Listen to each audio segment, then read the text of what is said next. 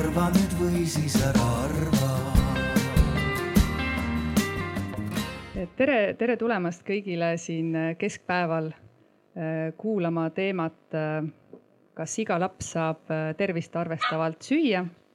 ja meil on väga hea meel näha siin päris palju nägusid, osad tuttavamad, osad mitte nii tuttavad.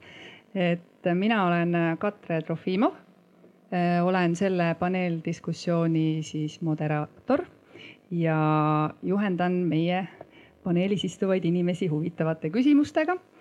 ja, ja suunan siis meie vestlust. Mm, me oleme Märka tervist alal ja kui me mõtleme selle peale, et me tihtipeale võib-olla märkame rohkem äh, haiguseid, äh, diagnoose ja ravimeid, mida me peame võtma siis ähm, me võiksime selle kõrval märgata rohkem äh, tervist ja pöörata tähelepanu siis äh, tõesti sellele, et mis seda tervist aitab hoida. ja meie paneeli pealkiri, et kas iga laps saab tervist arvestavalt süüa, ongi tegelikult tänases kontekstist siin äh, seotud eelkõige sellega, et, et on mitmeid haiguseid, mille võib ka öelda, et noh, ainus ravim on toit justkui ja ja et kui me mõtleme selles kontekstis, siis äh, et kuidas, kuidas seda kõike korraldada, mida seal tähele panna, mis on need probleemid ja, ja võimalikud lahenduskohad, et võib-olla need on niisugused märksõnad, mis me siin äh, tänase vestluse juures äh, katsume hoida. ja oluline on jah, siis mõista, et, et et kui meil praeguses äh, ühiskonnas on äh, hästi palju räägitakse ka elustiili dieetidest, et siis äh, see on üks võimalus, kuidas inimesed oma toidulauda ise saavad valida. aga kui me räägime haigustest, mis siis vajavad oma nii-öelda, et inimene saaks tunda ennast tervelt, et, et vajavad selleks mingit kindlat toitu, siis ähm, selle teadlikkuse tõstmine on üks oluline võti, sellepärast et äh, pahatihti tahab äh, praeguse nii-öelda äh, vajaminev eritoit jääda siis nende elustiili dieetide varju ja see tekitab segadust mitte ainult siis nendel inimestel, kes seda dieeti pidama peavad, vaid tegelikult ka toitlustajatel endil ja tootjatel ja kõigil nagu ümbritsevatel inimestel samamoodi. me arutelu formaadi mõttes võib-olla ma lihtsalt kohe alguses ütlen ka teile ära, et, et meil on selline keskkond ka avatud nagu Slido. ma ei tea, kui paljud teist on äh, kasutanud seda, et kui keegi soovib äh, küsida küsimust siis nii-öelda anonüümselt on ju, et ta ei taha oma nime ja häälega, noh, nime ei pea ütlema häälega, siis siin on ju küsimust küsima hakata. et siis, kui te Slidosse lähete, siis äh, kui keegi tahab sinna minna, siis ma ütlen selle koodi, ma võib-olla vahepeal pean jälle seda koodi ütlema ilmselt on ju, et kui tuleb uusi inimesi. et äh, tõstke käsi, kas keegi tahab minna Slidosse ja tegelikult võib-olla siin arutelu käigus küsimusi küsida. et siis ma ütlen selle koodi, aga ma, okei okay,, mõne aja pärast siis. ja ja tegelikult on seal üks teine põhjus veel, et miks ma väga tahaks, et te läheksite sinna Slidosse, on, on see, et meid väga huvitab, meid kõiki, et kes meid kuulavad. et neid, keda me teame, neid me teame, aga neid, keda me ei tea, et oleks väga põnev teada, et äh, miks te siia seda teemat kuulama tulite. ehk et kui vähegi võimalik, võtke oma mobiiltelefon, siis äh, slido.com või siis äh, kui lihtsalt kirjutada Google'isse Slido, siis seal S L I D O siis seal äh, tuleb äh, veebileht, kuhu saab panna nagu hashtag'iga ühe numbri. ja ma natukene ootan, ma vaatan, telefonid on käes ilusti inimestel. siis äh, kui see number sinna panna, number on kaks, kuus, kaheksa, seitse, kolm, üks, kolm. kaks, kuus, kaheksa, seitse, kolm, üks, kolm ja siis peaks pääsema, võite nagu noogutada või, või raputada pead, kui ei toimi asi, aga noogutatakse, nii et järelikult äh, sla-, äh, kood on kaks, kuus, kaheksa, seitse, kolm, üks, kolm. ja ma teen niimoodi, et ma avan seal kohe ära ühe, ühe küsitluse, ühe polli, kus on siis see, et kuidas olete seotud selle teemaga. et seal lihtsalt ära nagu märkida, mis teile tundub, et, et teie kohta käib. Ja eraldi on seal olemas siis selline Q and A questions and answers koht, kuhu te saate oma küsimusi kirjutada. Ja nende küsimuste vastamiseni me äh, loodame jõuda siis oma arutelu lõpus et me plaaniks niisuguse kümme-viisteist minutit äh, ikkagi tegelikult ka selleks, et äh, kui siin tekib küsimusi ja mõttekohti ja arutelus tahaks, et siis, siis me saame nagu seda omavahel jagada, aga kui ka tekib kellelgi siin vahepeal nüüd ikkagi mõne koha peal selline tunne, et tahaks väga ja küsida, siis tehke seda, ma tulen mikrofoniga teie juurde ja siis te saate oma küsimuse ära küsida. oi, väga lahe Äh, huvi pärast on kuulajaid meil äh, nelikümmend neli protsenti siinolijatest ja kakskümmend kaks protsenti on siis, kelle lapsel on äh, vaja eridieeti pidada. Ja ka lasteasutuse töötajaid on meil siin, et selles suhtes väga-väga-väga lahe. et äh, hakkame siis äh, vaikselt minema ja kõigepealt ma annangi siis sõna meie panelistidele. Nad saavad öelda oma nime nad saavad öelda, kustkohast äh, või mis asutusest nad siin on ja tegelikult siis äh, põgusalt sinna ümber äh, natuke tutvustamiseks siis öelda, et mis, miks ja kuidas on tema nagu seotud siis selle teemaga, et kas iga laps saab tervist arvestavalt süüa. et hakkame siis siitpoolt otsast minema. kõigepealt sõna Reedale. jah, et tere minu poolt ka. et mina olen Reet Ruuto esimene julge siis peab olema, kes tutvustab ennast peale Katret.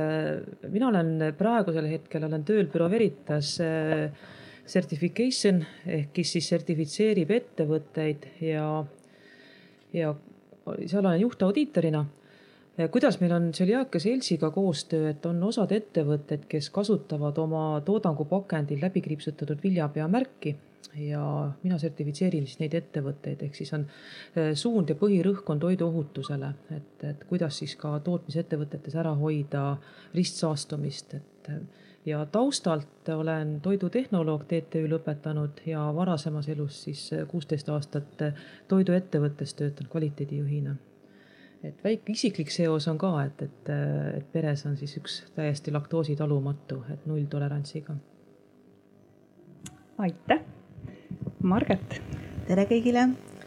Ehm, mina olen siis Eesti Tsöliaakia Seltsi vabatahtlik ja tänasesse, lähemale, tänasesse paneeli eh, toon oma kogemuse pigem just lapsevanema seisukohast, et minu tütrel diagnoositi nelja poole aastaselt tsöliaakia. hetkel on ta neljateistaastane ja meie kogemus eh, toitlustusasutustega on siis kolm lasteaeda, kolm erinevat lasteaeda ja üks kool. ja võib-olla hästi natukene tsöliaakiast samuti, et see on siis üks harvemini diagnoositud autoimmuunhaigus ja ähm, siis tegelikult tähendab ka seda, et toit on äh,, on eluks äh, selles mõttes me peame nagu tsöliaakia haigedele lapsed ja kõik kellel see diagnoos on pandud, peavad siis eluaegselt jälgima ranget dieeti ja ei äh, tohi siis süüa nisu, rukisoder on need teraviljad ja tegelikult nendega äh, ristsaastunud tooted äh, ja teraviljad siis ka on täiesti välistatud kogu menüüst. et lühitutvustus siis minu poolt selline, aitäh. et gluteenivaba dieet on siis see, millega tsüliaakia haige peab end terve elu ravima et ühtegi muud varianti praegusel hetkel teadaolevalt veel ei ole, on erinevaid, on erinevaid äh, katsetusi, et mis võiks leevendada seda, et kui tsüliaakia haige sööb gluteeni ja, ja mingid hädad tekivad, aga, aga praegusel hetkel on siis tõesti gluteenivaba dieet ainus, ainus äh, viis siis tsüliaakiaga elamiseks. ja jätkame, Evelin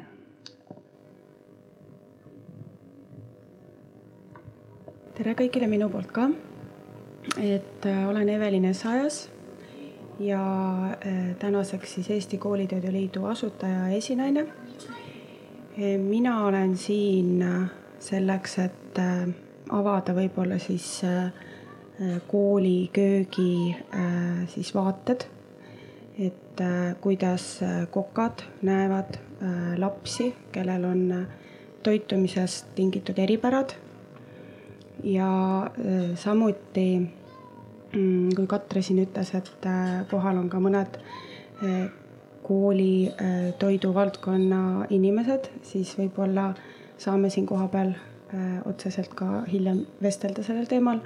Natuke mm, võib-olla neid hirme ka maha võtta, et äh, tegelikult äh, eritoit äh, ei ole sugugi nii või eritoidu valmistamine kooliköögis ei ole sugugi nii keeruline ja nii raske võib-olla, kui meile kõigile tundub just toitlustajate vaatest ja mm, võib-olla siis see on see koht, miks mina siin täna olen Äh, enda taustast siis äh, olen äh, viimased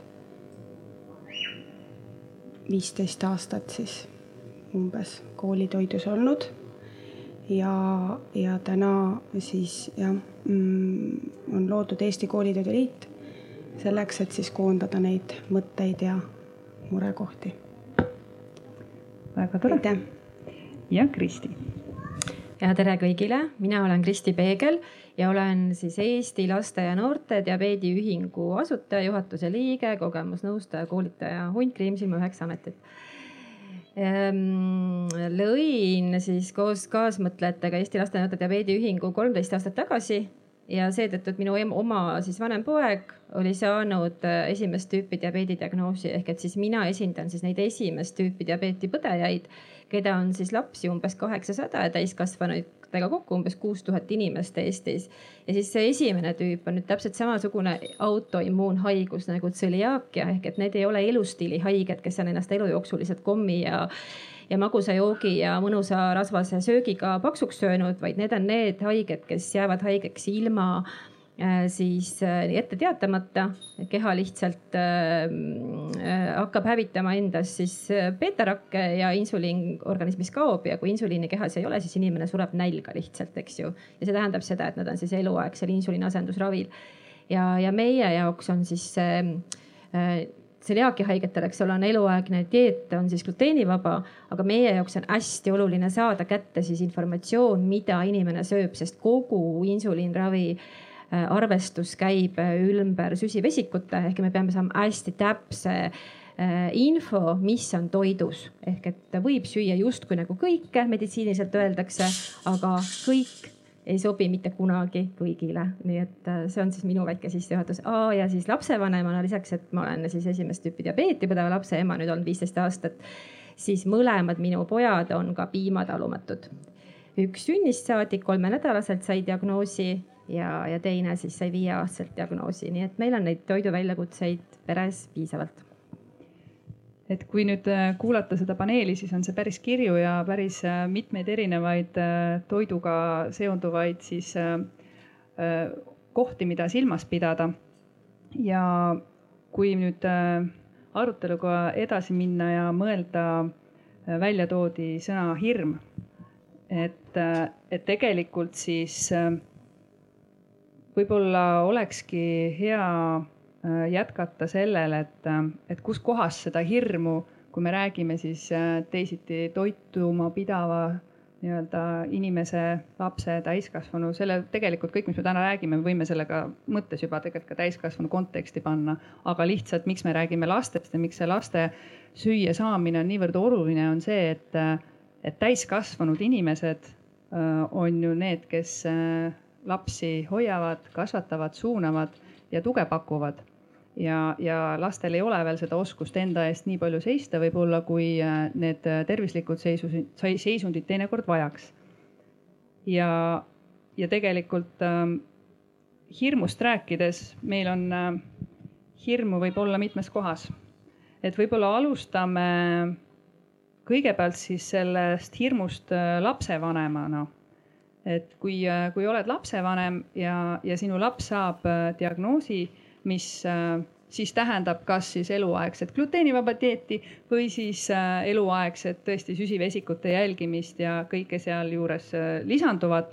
et mida, mida, mida teeb üks hirm toidu valiku laua juures ja, ja lapsevanemana, et kumb teist soovib alustada?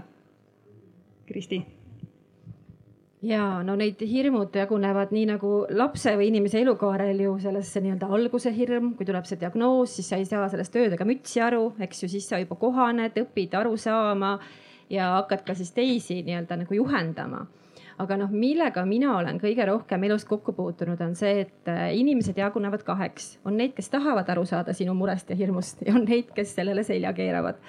ehk et ja kõige raskem on just tegelikult see koht, kui, äh, kui ma vajan näiteks haridusasutuses abi, eks ole, lapsele lasteaias näiteks piimavaba hommikuputru, eks ole ja mulle lihtsalt öeldakse, et äh, selleks on vaja sul tuua nagu seitse erinevat tõendit, on ju, ja siis põhimõtteliselt tegelikult pead aru saama, et sa lähed sellega ikkagi nagu nii-öelda kokatööd äh, segama ja temale nagu väga palju koormust juurde panema. siis see on see koht, kus paljud vanemad ju lähevad selge ees uksest välja, eks ju.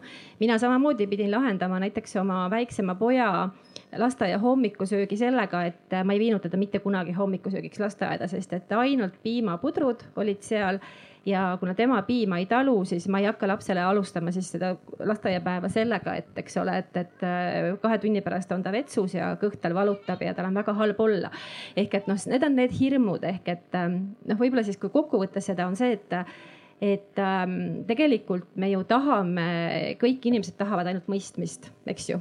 ja tõesti, nagu Katre ütles väga ilusti, siis noh, lapse tervis on niivõrd õrn et, äh, et lapse tervise hoidmiseks ei peaks keegi kusagil käima nii-öelda nagu palumas ja mangumas vaid äh, võiks ju piisata sellest, et äh, ma lähen ja ütlen, et minu laps ei tohi eks ole, piimatoodetega, ei tohi piimatooteid süüa või siis minu laps vajab äh, väga täpset arvestust äh, toidus oleva energia järgi, mis tegelikult määrustega on ju Eesti Vabariigis kõik reguleeritud, et kõik toitlustajad peavad pidama tehnoloogilisi kaarte, sealt saab need andmed kätte, eks ole, need tuleb esitada regulaarselt Terviseametile.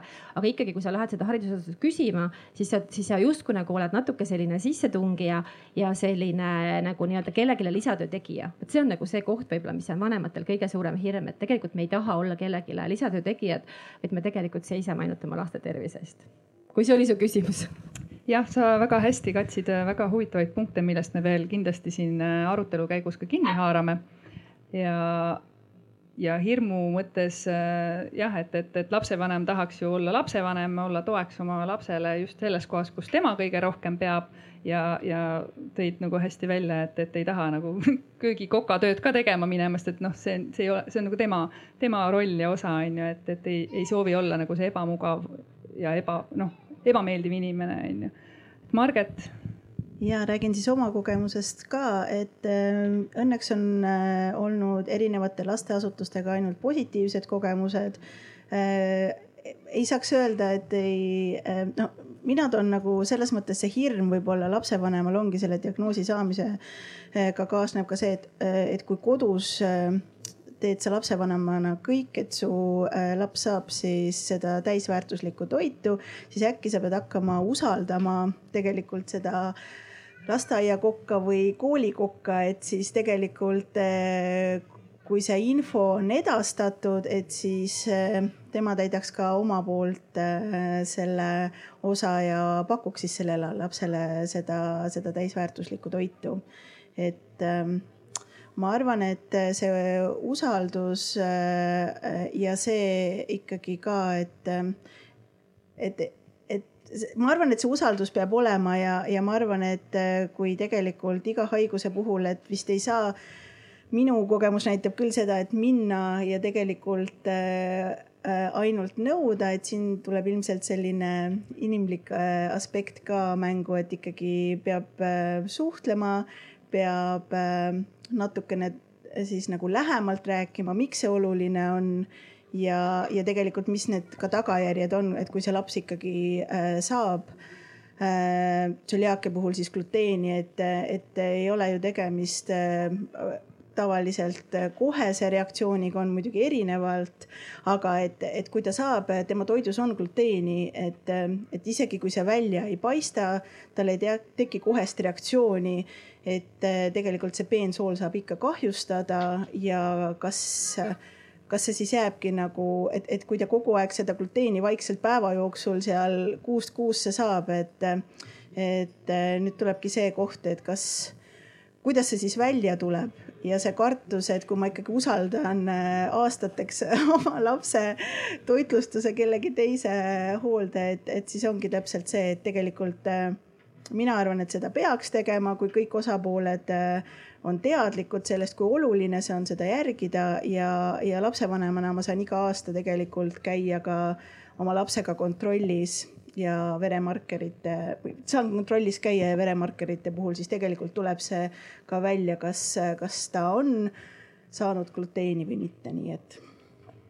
lapsevanema hirmud on siis need, mis te just kirjeldasite, aga kas te ka teate, mis olid või on teie laste hirmud olnud seoses äh, koolitoitlustusega või toit, noh, nii-öelda väljas söömisega, et tegelikult, kui me räägime siin lastest, siis selles kontekstis võib-olla oleks ka hea mõni äh, see hirm välja tuua, kui, kui on kuulda olnud või siis ka kasvõi seltsi toimetuste näitel on teil nagu taustal? ma arvan, et kõigi laste suurim hirm on erineda et selles mõttes, et kõik lapsed tahaksid täpselt samamoodi äh, toituda nagu teised ja, ja ilmselt on erinevad ead lapse, lapseaias või lasteaias võib-olla see ei ole nii määrav, aga kindlasti, kui jõutakse teismelise ikka, siis äh, on väga oluline Äh, see, et äh, kuidagi seda erinevust ekstra veel ei rõhutataks ja et siis kõigi nende esimest tüüpi diabeeti põdevate laste siis huvikaitsjana ütlen ka seda, et nad ei taha absoluutselt mitte kusagil rõhutada seda, et nemad on haiged ja nad peavad kuidagi teisiti toituma.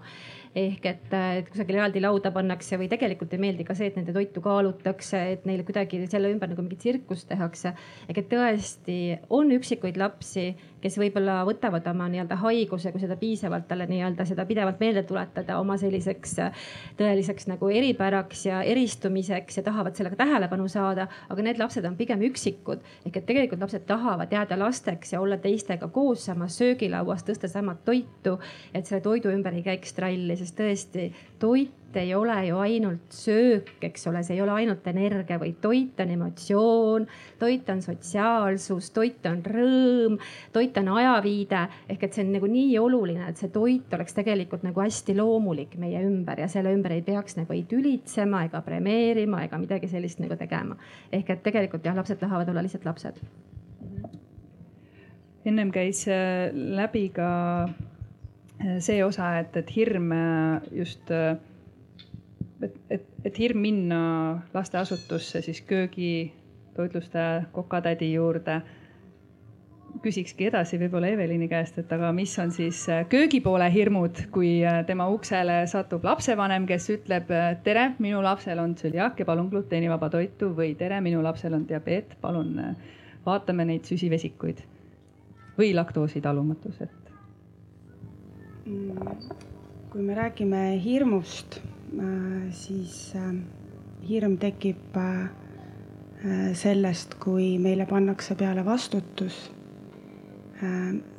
mida me ei tunnista omaks. ehk et koka töös võib-olla tulebki see vahele, et, et kui ta tunnetab, et lisaks sellele, et ta vastutab seal viiesaja lapse eest, tuhande lapse eest, oleneb siis kooli suurusest. ta peab äh, lisaks veel vastutama äh, laste eest, kes on äh, toitumise eripäradega.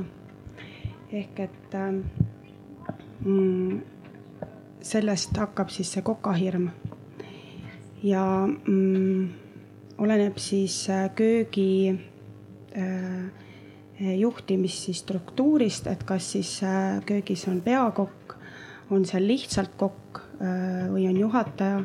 et see oleneb ka jälle kooli eripärast. aga kindlasti mm, on seal nagu hästi oluline koht, mis siin hästi palju on läbi käinud, on kommunikatsioon. ja, ja seda peab äh, äh, ütleme nii lapsevanema koolipidaja, koolijuhi äh, kui köögi vahel pidama äh, nii, et, et kõik osapooled justkui hoiaksid siis seda last. et mm, see kindlasti, seda ei saa öelda, et kuidas see peaks toimuma. aga võib-olla siin ma võiksin tuua ühe hea sellise mm, võib-olla sihukese mõtte, et koolid vaataksid üle oma arengukavad ja lülitaksid sisse sinna olulise punkti nagu kooli toitlustamine. ja kuidas koolid siis käsitlevad õpilasi, mm, kellel on toitumise eripärad. ja selle peaks nagu sinna arengukavasse nagu eraldi välja tooma. E, lisaks mm, siis ka selle toitumise eripärade hulka kuulub ka mm, tänapäeval väga laialt levinud taimetoitlus, ka diabeet, erinevad allergiad ja, ja üleüldse laste toitumise kui sellise. et ma saan täna öelda seda, et, et miks me siin sellest räägime, on sellepärast, et, äh, et see mm, mm teema sujuvalt võib-olla kulgeks seal kooliköögis lapsevanemate ja, ja koolipidajate vahel mitte et ta ühel hetkel on paisunud hästi suureks. Ehk et äh, täna on see, miks me sellest üldse nagu räägime, sest protsentuaalselt äh, eritoitu vajavaid lapsi on vähe. et ütleme äh, üks protsent võib-olla kooli koguarvust, oleneb siis kooli, ähm, oleneb koolist siis. aga üldiselt on need andmed sellised, et et me ei peaks täna nagu väga hirmul olema, mis on väga hea. ja, ja me saame hästi rahulikult selle teemaga tegeleda. ja kindlasti äh, märksõna ongi see suhtlemine. ja mm, võib-olla need äh, olulised punktid ka õppeaasta jooksul veel läbi käia erinevatel koosolekutel, äh, mis siis klassides toimuvad, lapsevanemate koosolekutel ja, ja kindlasti äh, kooli juhtkond äh, peaks äh, selle toitumisega võib-olla natuke rohkem tegelema, kui ta täna tegeleb koolis. jah, nende lahenduste nii-öelda noh, alati on nagu lihtsam näha ju probleemi ja öelda, et ei ma kardan, mul on hirm, vastutus, see sõna oli väga hea, et sa selle sisse tõid, sest et me ka hiljem peatume hetkeks korra selle peale, et kes tegelikult vastutab ja mille eest. et kui on seal segadus, siis ongi hirm, on ju. ja, ja et kui on nagu hirm just äh, selle vastutuse osas, et äh, siit on hea edasi minna toiduohutuse vaatesse võib-olla, et äh, käis ka läbi, et tegelikult on ju noh, reeglid ja regulatsioonid olemas et äh, mis siis on äh, nii-öelda toiduohutuse ja tootmise vaates võib-olla, mis tundub, et nendel tootjatel on nagu see hirmukoht, et mida nad nagu ei tea siis või et äh, kuidas sina kogenud oled seda oma töö läbi? et mina, mina tooks tõesti sisse, et hirmul on suured silmad ja, ja kui ei teata, siis on see hirm ka hästi kerge tekkima, et aga kuidas seda siis seda hirmu maandada, ongi läbi teadlikkuse ja kuidas teadlikkusega jõuda siis kõikide ahelalülideni. et see on nüüd ütleme see võtmekoht, mida lahendada ja mida tegelikult on väga kenasti ka tehtud, et enesekontrolli plaanid on olemas. ja, ja kuidas kõige paremini jõuda siis täiesti selle töötajani, kes siis toitu valmistab, et tal on juhendid ja hästi tavaliselt tehakse juhendid, kes ei tea, on pikk ja keeruline ja lohisev, siis tegelikult keegi ei jaksa seda lugeda kuidas kõige paremini jõuab, on väga konkreetne, lühike ja, ja selline selge, kõikidele arusaadav juhend. et täna hommikul tegelikult ma panin Google'isse sisse, et otsisin, et palju on siis laktoosi piir et kui lihtne on seda leida, et me räägime, et ei, me ei tohi laktoosi süüa, me oleme laktoositalumatud, meil on laktoosi intolerantsus, et natukene võib. ja just vastus küsimusele, kui palju on palju, kui vähe on natukene ja ma eestikeelset infot väga hästi ei leidnudki. määrused on olemas, neid saab leida, kes selle valdkonnaga pidevalt tegelevad, leiavad nad lihtsamini üles. aga kes ei tegele, sest me peame arvestama ka sellega, et on suured tootjad, kus on eraldi inimesed, on õppinud ja igapäevaselt tegelevad. ja siis on need väikesed koolid ja väikesed lasteaiad, kus seda ressurssi ei ole nii palju.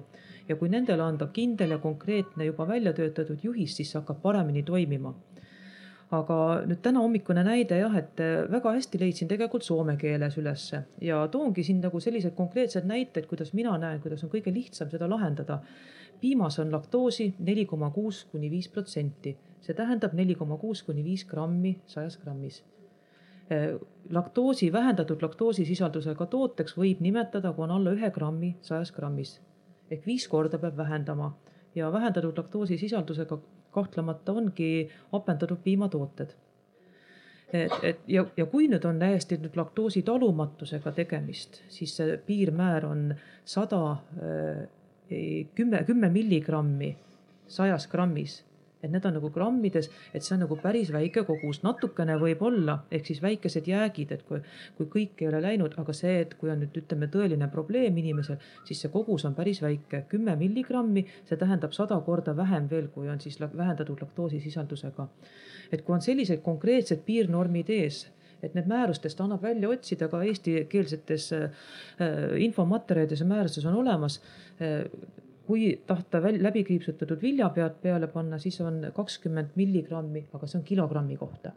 et need on nagu noh, et hästi-hästi hoolikas peab olema ühikutes ja mis nagu nendes arengukavades seost tuua, et kui on hästi hea ja lihtne juhend välja töötatud ja neid jagatakse koolide toitlustajatele, siis on lihtsam seda rakendada, sest suhtumine reeglina, ma käin hästi paljudes ettevõtetes, inimesed tahavad teha aga tõsiselt kuidagi hirm tekib, et aga tegelikult me ju teeme, aga teadlikkust ei ole, et, et ah, et natuke vist ei ole nüüd palju, aga tegelikult vahel on ka natuke palju, et just need piirid välja tuua. ja võib-olla hea näide on see, et kunagi oli käte pesemisega oli ju ka, et kuidas käsi peab pesema, siis peale Covidit meil on iga seina peal ka WC-d avalikud on ju kätepesujuhend, mis on nagu hästi visuaalne, pilt on, et kuidas teha ja seda on hästi lihtne jälgida jah, need äh, juhendid äh, ja, ja et kuidas midagi normaalsuseks muutub, on, äh, on väga-väga hea koht, kus, kuhu nagu mõtteid panna. et, et kui, kui nüüd need juhendid ka tehtaks, siis kuidas on teie meelest nagu kõige kindlam viis siis, et, et noh, kommunikatsioon, et see sõna, et see info, infovahetus, et see on siin mitu korda läbi käinud ja meil on, kui nüüd noh, kuulata ja mõelda, et siis meil ongi nagu laps, laps, kes peab sööma ühte või teistmoodi. ta ei taha olla, ta ei taha tunda ennast nagu täiesti teistmoodi erilisena, et käis hirmuna läbi, on ju, et ta nagu tahaks olla ju teistega ühtemoodi, et, et söömine on sotsiaalne tegevus, et kujutage ise täiskasvanuna ette, et kui te peate nagu tõesti väikse inimesena kogu aeg oma kolm korda päevas on ju, me vähemalt sööme mingisugused ampsupausid võib-olla on kuskil veel, et sa pead kogu aeg tegelikult nagu tundma ennast teistmoodi, teistsugusena. et kuidas me saame seda väikest inimest aidata sellega, et me ei loo tema ümber neid äh, hirmunud täiskasvanud, kes ütlevad, et oo oh,, me ei saa, ei, me, ei, me teeme ainult nii või teeme ainult naa. et kuidas nagu võtta seda nagu müüri maha. et lahenduse variante siin käis tõesti, et, et juhendid ja, ja, ja suhtlus. aga kas, kuidas nüüd võtta seda avatud suhtlust või et mis see, mis see näiteks võiks nagu kooli köögi mõttes olla, et, et mida, mida tähendab, paremini kommunikeerimine, et kes kellega peaks paremini siis suhtlema hakkama sinu nägemust mööda? kui mina töötan koolis kokana, mm, siis äh, ma ootan äh, võib-olla seda mm, juhiseid või juhtnööre just oma juhilt esmatasandil. ehk et äh, nii nagu ma enne ütlesin, äh, on äh, väga suureks rolliks just selle kooli pidaja, pidaja või siis juhtkonna hoiak lastesse, kes toituvad eripäraselt.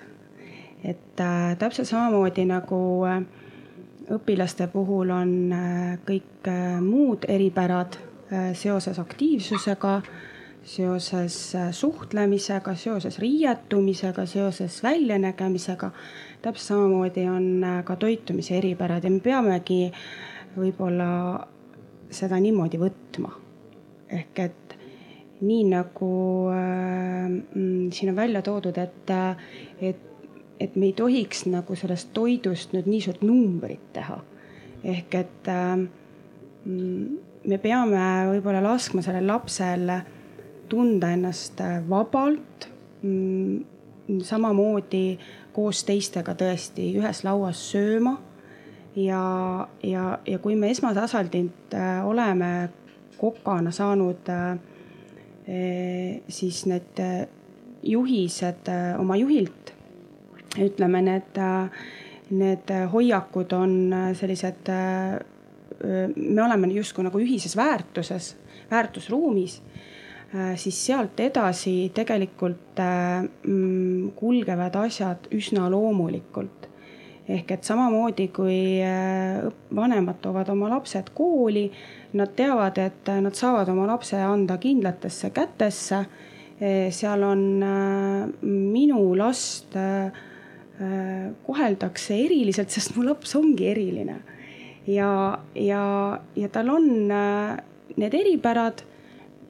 ja see teebki teda eriliseks, ehk et ma arvan, et kui me siit saame edasi minna võib-olla Äh, siis selliste mõtetega, siis mulle tundub, et see kommunikatsioon kulgeb hästi valutult kõikide jaoks, nii lapsevanema kui koka äh, kui lapse ja, ja kõik on nagu. Ehk et see koostöine suhtlus siis äh, avatud ja, ja üksteisele tõesti nagu, nagu hea mõttega ka nende juhendite jagamine, et, et keegi ei põrkuks selle vastu näiteks, et, et kuidas, kuidas lapsevanemana kogemus on olnud selle avatud suhtlemisega ja, ja et kas ja mis äh...? Mina lisan siia, et mina eelistasin äh, personaalset lähenemist, see kindlasti ei ole võimalik, kui äh, lasteaeda või kooli toitlustab siis äh, selline hanke korras suurettevõtja, toitlustaja nendes lasteasutusest on olnud, lasteasutuses, millega mina kokku puutunud, on olnud tegelikult alati kook, köök koha peal.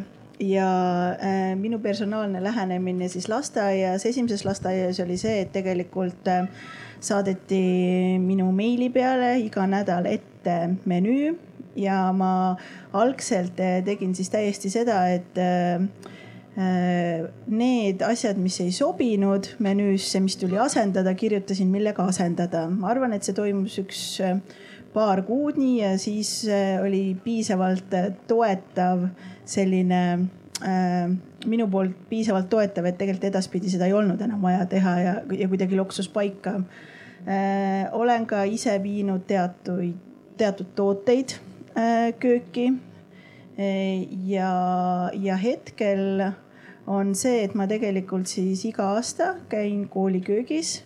Äh, korraks peakokaga istume äh, kuulan teda ära, tema kuulab mind ära, kas midagi on muutunud, kuigi nagu tsöliaakia puhul see, see toitumine on eluaegne, midagi seal ei muutu. aga lihtsalt, et eh, korraks ennast meelde tuletada, korraks eh, öelda seda, et kõik on endist viisi. Eh, küsin alati, kas personal on muutunud, kui on muutunud, siis ma soovin samuti, et tegelikult võib-olla uuesti uutele inimestele ka rääkida tsöliaakiast ja äh, olen omalt poolt viisin ka tegelikult kööki äh,. Eesti Tsüliaka Selts on töötanud välja hästi äh, hea nimekirja keelatud ja lubatud toiduainetest.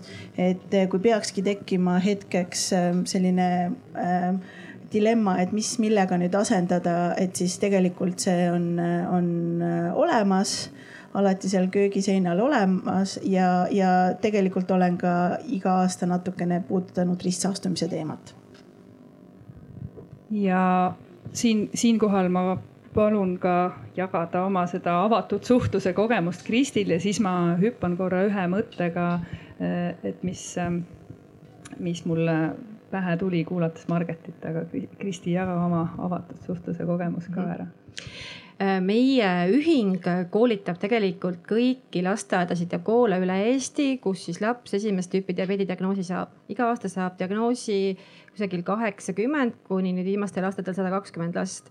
ehk et me läheme nendega kaasa nende siis lasteaeda ja kooli, ehk ma räägin siin nagu üldisemalt, mitte ainult oma lapsest ja, ja, ja nii nagu ma alguses ütlesin, on neid kohti, kus on kõikide nii-öelda südamed valla ja räägitakse toitumisest, püütakse leida lahendusi, on neid kohti, kus, eks ole, öeldakse, et ära tule torkima.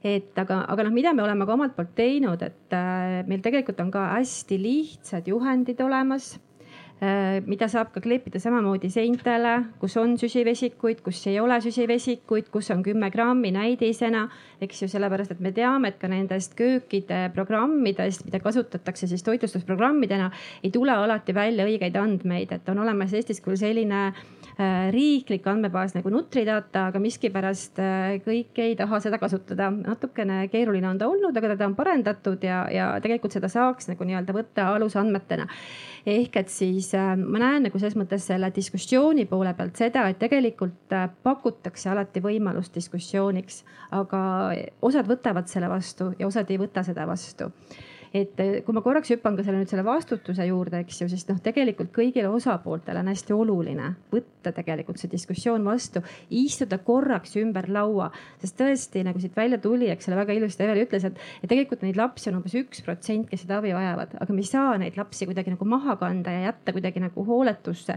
Need lapsed tõesti väga vajavad seda abi, aga tohin ma lasen ühe džinni veel pudelist välja no.? Tegelikult ju me ei peaks võib-olla rääkima üldse eritoidust, kui me lihtsalt välistaksime mõned väga levinud allergeenid toitudes ja teeksime kõikidele süüa ühtemoodi. ja muideks, see on tegelikult kõigile tervislik, eks ju. ehk et meil on äh, üle tuhande ühesaja haridusasutuse Eestis, meil käib koolides ja lasteaedades üle kahe, kahesaja tuhande lapse, kes iga päev söövad tegelikult selliseid toite, nagu ma lugesin täna hommikul ühte väga head ühe kooli äh, põhjal tehtud siis sellist ähm, toitumisanalüüsi äh, tavapärases menüüs on kolm korda rohkem soola, kolm korda rohkem suhkurt ja kolm korda rohkem rasva. milleks? väga hea džinn, mis sa nüüd pudelist välja hõõrusid siit meile aga miks, miks ma ka selle avatud ja suhtlemise ja koostöö osas, et, et, et miks nagu on vajalik, et noh, et lapsevanemad siin on väga eeskujulikud meil praegu paneelis ja nemad käivad ja räägivad. aga tegelikult, kui võtta nagu seda laia pilti, siis kõikidel lastel ei pruugi olla nii vedanud oma kodus perega või siis ka noh, selle teadlikkusega pere, pereliikmete poolt. et on ka, on ka nagu diagnoosiga inimesi, kelle hulgas on see teadlikkus sellest, et ah, mis see väike ikka teeb ja pole hullu ja nii. aga kui oleks võimalik koolisüsteemi ja koolitoitlustuse poole pealt kasvõi vältidagi seda, et see laps saab nagu siis terve päeva jooksul ikkagi seda toitu, mida tal on vaja, et oma tervist hoida, seda toitu, et tema tervis ei halveneks nii, et ühel hetkel peab arstide ukse vahet käima hakkama et, et, et see, see on nagu see mõttekoht, kus nagu tasub ka mõelda, et, et miks, miks seda vastutust oleks hea ja võiks ikkagi jagada. jagatud vastutus on väga hea, väga hea nagu märksõna, millega tegelikult selle teema juures liikuda. aga siis ongi see, et kes võtab mis rolli. et aga, aga millal ja miks peaks keegi midagi tegema et äh, kas lapsevanem saab olla see, kes vastutab toiduohutuse eest? Või kes võiks olla nagu see, kes selle toiduohutuse ja et just, et sa tõid välja need piirmäärad on ju, et, et ma kujutan ette, et äh, kui küsida publiku käest, et kuna siin need juba tulid, need numbrid välja, et ma ei saa enam küsida, et mida tähendab gluteenivaba on ju, et siis kas keegi oskab kohe käe tõsta ja öelda, mis see piirmäär on, on ju et, et kuidas aga, see koht on? mul tuli tegelikult hea küsimus, et, et kui rahvast ka kaasata, et gluteenivaba, et kas kaerapuder on selline täiesti ohutu? kui on gluteen, ütleme, et tsöliaaki haige laps, et kas kaeralbe putru võiks hommikul talle teha? vot just väga hea, et see on tegelikult see oligi selles suhtes, et, et äh, teadlikkus ka sellest, et mis on tsöliaakia selts ka välja töötanud, et kus siis mida võib leida, et mis need nagu ohud on. et täpselt näiteks, et pähkleid ei ole mõistlik üldse koolitoitudesse tuua, et see on nagu, et miks, miks seda džinni sinna üldse siis kööki lastagi. et äh, tegelikult äh, noh, pähklite allergiaga on ju ka tegemist ja, ja väga paljudel, et sellest me täna ei ole lihtsalt rääkinud. aga kui ma nüüd natuke lähen tagasi ajas, et äh, no eelmisse sajandisse, siis üheksakümmend seitse oli see aeg, tuhat üheksasada üheksakümmend seitse, kus oli kohustus rakendada enesekontrolli plaanid et see oli, alguses olid nad ülikeerulised paar inimest ainult ettevõttes oskasid neid teha ja see tundus selline raketiteadus ja sai tähtsat nägu teha. siis nad on nagu läinud järk-järgult on läinud lihtsamaks, et tegelikult äh, nad on ju selleks tehtud, et sa igas etapis äh, hindad ohud, et mis siis võiks olla ja milline see oht on, et toome siin jälle need hea gluteeni ja laktoosi et kui gluteeniga on oht, siis ütleme jahu jahu me võtame, tõstame lusikaga, kogemata käsi väriseb või läheb maha, siis ta nagu paiskub õhku. Siis seal on nagu palju suuremad riskid, sest ta tõesti lendleb ja tolm, tolm läheb igale poole.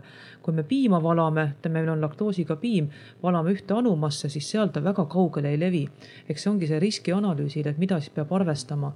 et just see levimise viis ja sealt nüüd lähebki see riskianalüüsist tuleb vastutus, et tegelikult me vastutust ei saagi öelda, et me kõik vastutame ühiselt, vaid vastutusel on vaja määrata selged piirid. et mina vastutan siitmaalt siiamaani, sina vastutad sealtmaalt siiamaani, et siis ta toimib, et mida rohkem on, rohkem on konkreetseid vastutusi ja selgust toodud, et seda paremini asjad toimivad. Ehk et ka siis kooliköögis ja kooliperes tegelikult, et kui koolijuht teab, mis on tema vastutus äh, selle toitlustuse korraldamise vaates, köögis inimene teab, mis on tema vastutus täpselt, et kui me teame, palju on lapsi, palju on vaja eritoitu teha või ütleme üldse sellise, et, et see info liiguks äh, võimalikult äh, kiiresti, võimalikult õigetele inimestele, et ta ei jääks kusagile pidama. et kokad hea meelega teevad, aga kui tal on täpsed juhised, et kui palju, millistes kogustes. ja sa tõid väga hea äh, näitena välja nüüd, et jahu ja lendleb, on ju ja tegelikult on ju ka nisuallergeen on ju lisaks sellele, et ta tsüliaakia haigele siis nagu gluteeni mõttes äh, toimub noh. Aga tahtsin tuua juurde ka sellest ajaloost, et üheksakümmend seitse tuli enesekontrolli plaan, siis aastal kaks tuhat viis tuli esimene eestikeelne toiduohutuse juhtimissüsteemide standard.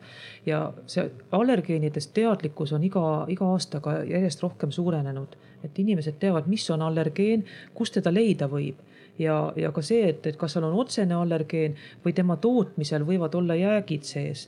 et sõltub jah, et millise, millise tasemega probleemiga inimesel on tegemist, et kas ta, kas ta peab täiesti välistama või natukene võib-olla, et siis sellest sõltuvalt ongi vaja nüüd süveneda ja selle peabki tegema siis nii juhtkond kui siis ka köögi, köögiinimesed ma mäletan, kui me seda arutelu ja paneeli kokku panime siis mulle väga meeldis tegelikult siit teemast edasi minnes üks Evelini mõte, kus ka, et, et ka tegelikult, äh, mida köögikokad äh, ise saavad teha, et avatud suhtluse poole liikuda, et, äh, et teeme need uksed nagu lahti, et mine uudista maailma, et mis, mis, mis sinuga nagu räägitakse.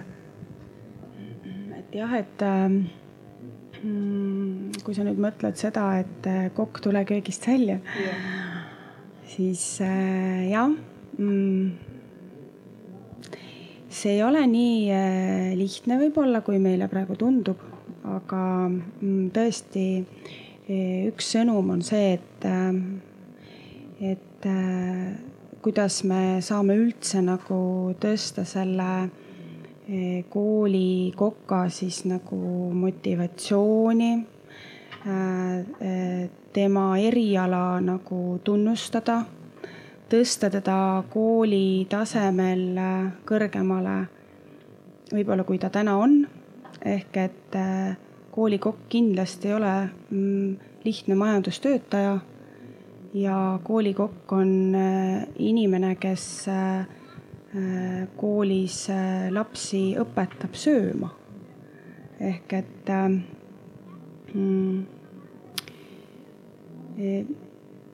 võib-olla eh, lihtsalt sellest, et eh, ole julge, on eh, vähe kasu. et siin ma jälle nagu tooks välja jälle selle koolipidaja ja kooli juhtkonna tasandi. ehk et ähm, võib-olla sellist tunnustamist ja mm, sellist tänu ka siis lapsevanemate poolt kokad ootavad rohkem. ja seda võiks olla läbi terve õppeaasta, mitte ainult õppeaasta lõpus. et aitäh, et sa tegid hästi süüa meile ehk et siit hakkab ka see koka võib-olla selline mm, valmidus siis sealt köögist välja tulekuks. ja mm, mis ma selle kommunikatsiooni juures veel tahaks rääkida, et või noh, ütleme selle vastutuse kommunikatsiooni juures, et võib-olla kokad mm, noh, nad on, nad on äh, ikkagi suhteliselt pikaajalised töötajad koolides. et nad äh, lähevad kooli kokaks ja nad töötavad seal äh, pensionieani, ütleme, see on niisugune standard. ja võib-olla see kokk ootab ka natuke rohkem enda töö osas lapsevanemate poolt usaldust. ehk et mm, et selline iga kuu alguses sihuke ukse peale koputamine võib-olla võib selle koka nagu kurjaks ajada. et, et see on nagu see koht ka, et mida tasub nagu mõelda, et, et kui me oleme ühelt poolt juhtkonnas, siis need asjad selgeks rääkinud, et mm, siis teiselt poolt võib-olla need klassijuhatajad vahendavad seda infot siis lapsevanematele, et meie koolis on selline ähm, äh, ma ei tea, ära reglementeeritud see toitlustamise osa ja, ja klassijuhatajad saavad juba selle esmatasandil need lapsevanemad maha rahustada. ja siit edasi peaks olema tõesti selged juhtnöörid, et, et äh, millisel kujul toimub siis äh, äh, nende laste puhul siis äh, selline toitlustamine ehk et, äh, ehk et see on nagu iseenesest hästi lihtne. midagi väga keerulist siin ei ole, et äh, selline pigem sihuke võib-olla see ülemõtlemine ja mõnikord äh, võib-olla me otsime probleemi seal, kus seda ei ole, et koolis on vaja tegeleda muude asjadega ka. ma korra lisan, et äh, hästi tore, et sa tõid tegelikult klassijuhataja välja, sellepärast et äh, äh, hästi tihti on ju väljasõidud, kus lastele köögis pannakse samamoodi see pakike kaasa ja, ja ma arvan, et siin on jälle see kommunikatsioon, et kui tegelikult mina kui lapsevanem, vanem tean, et on väljasõit, ma võin ju alati noh, see on inimlik võib-olla, et unustatakse, minu meelest lapsevanemana ma saan alati ju meeldetuletuse kokale saata. Ja väga tore, kui ka klassijuhataja, kes on siis tegelikult ju koolis igapäevaselt olemas, eh, samamoodi veel eh, selles mõttes eh, toetab siis äh, samamoodi kööki, et ikkagi veel korra mainida, et on väljasõidule minek ja tulebki seal võib-olla see üks äh, pakike eraldi, eraldi äh, toiduga teha, nii et, et ma arvan endiselt, et see kommunikatsioon ja on oluline ja igaühel siis see väike vastutav osa. et kui kõik seda peaks tegelikult täitma, siis ma endiselt arvan, et see toitlustus on võimalik mina tahaks ühe asja lisada, et, et alati üks on see kommunikatsioon, et me anname info, et kuidas peab tegema. aga väga oluline osa on ka see, et, et me pärast analüüsime, et kuidas läks et eh, kas siis aasta sai läbi, õppeaasta sai läbi, et, eh, et paljud koolid valivad ju lisaks lemmikõpetajatele valitakse ka lemmikkoolitöötajad, kus on siis tihti ka kokad on esindatud. ja, ja hästi tore on, et kui ka analüüsitakse, et kuidas meil siis eelmine õppeaasta läks või eelmine periood, et. sest üldiselt inimesed on ju ikkagi vigadest õpitakse ja kui need konstruktiivselt arutada, et mitte karistada et karistamine tekitab hirmu ja siis hakatakse ka maha salgama. aga et kui, kuidas meil läks ja mis me järgmine aasta saame teistmoodi teha või äkki ka samamoodi, et päris hästi läks periood? Jah, koolipere sõna sissetoomine ka klassijuhataja toodi, aga tegelikult on ju koolis ka kokandustunnid kod-, nii-öelda, et, et, et see on ka veel järgmine koht on ju, järgmine kiht kooliperest, kes nagu võiks mõista siis seda, seda teemat. Ehm, siin on käinud läbi mitu korda nüüd äh, see, see usaldus ära, et kui palju kordi nüüd see lapsevanem peaks äh, kokaga rääkimas käima või mitte rääkimas käima. Äh, kui palju kordi ta võiks noh, selle diskussiooni nagu avada. praegu on august. kohe varsti septembris on meie seltsidel postkastid umbes, sellepärast et lapsevanemad kurdavad ja küsivad kus kohas minu laps saab lasteaeda minna niimoodi, et ta saab gluteenivabalt süüa, kus kohas minu laps saab minna lasteaeda niimoodi, et mulle saadetakse menüü mitu nädalat Kristi ette. ideaalis äh, oleks vaja diabeedi äh, põdeval lapsel või lapsevanemal tegelikult nagu see, see, see teekond äh, võib-olla kooliga läbi käia. Ma võib-olla võtan siin korraks paar lauset rohkem ehk et ma ei taha ainult menüüd, eks ju, vaid ma tahan tegelikult ja ma tahan tegelikult ühe nädala menüüd, ma ei taha kahe, kolme, nelja, kuue, kümne, eks ju, ma tahan ühe nädala menüüd.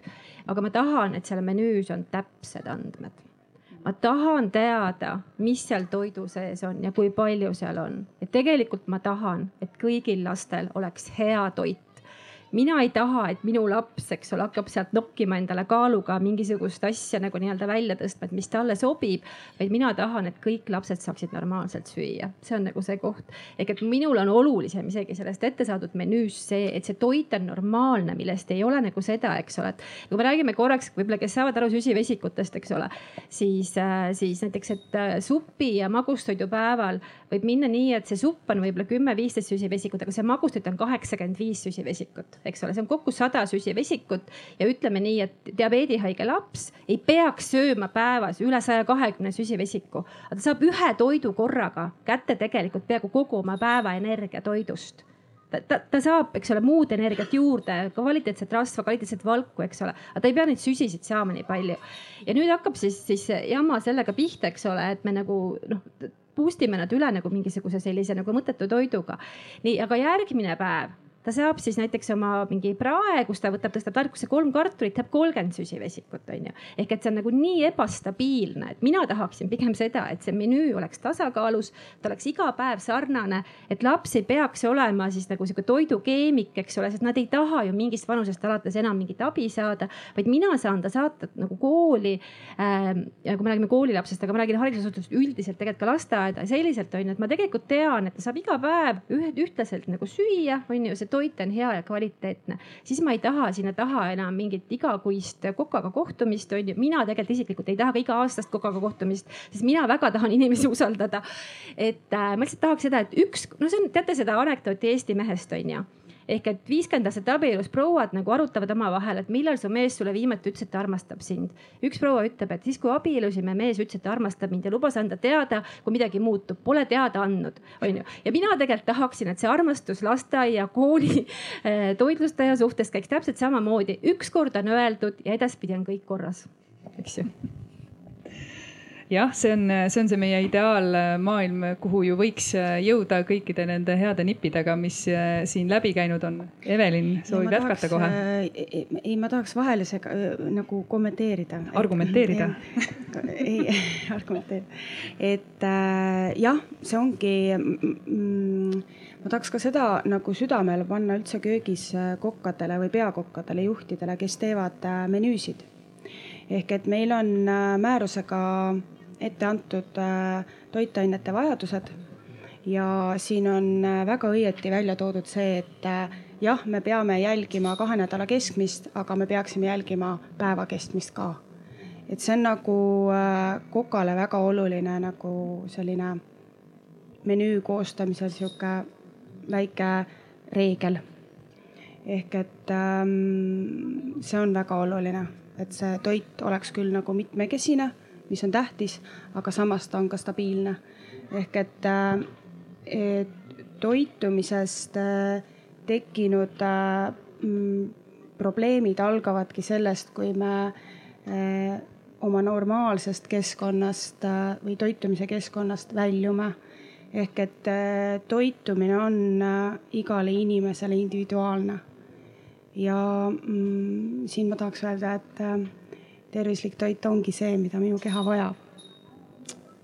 et äh, see, see menüü osa, ma tahtsin seda mainida, kusjuures see on, selles osas on see väga õige märkus ka sellepärast, et, et sõna tervislik toit ei tähenda ja võrdusmärki ei saa kindlasti kunagi panna, et gluteenivaba võrdub tervislik toit, laktoosivaba võrdub tervislik toit.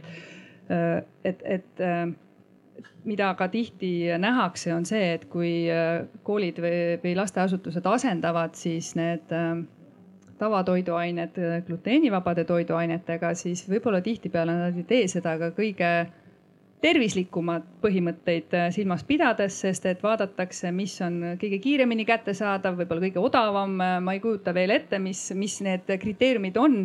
ja siis võib-olla tekib üldse see koht, et äh, oleneb, mis see hanke tingimusse kirjutatud on, on ju. Et võib-olla ma siin äh, inimestele, kes siin publikus on ka, et siin mitu korda käinud läbi sõna määrus. kuskil on mingi salapärane määrus et tegelikult on olemas siis rahvatervise seaduse alusel määrus, mis on äh, on siis nagu tervisekaitse eesmärgil just äh, toitlustuse kohta lasteasutuses, tervishoiu ja hoolekandeasutustes äh,. mis siis nagu määrab ära, kuidas äh, tuleb toimetada ja seal on ka siis ära toodud see äh,, praegusel hetkel on seal siis toodud äh, välja äh, see, et äh, toitlustamine korraldatakse tulenevalt tervishoiutöötaja soovitusest ning koostöös lapsevanema ja lasteasutuse pidajaga koostöös lapsevanema ja lasteasutuse pidajaga.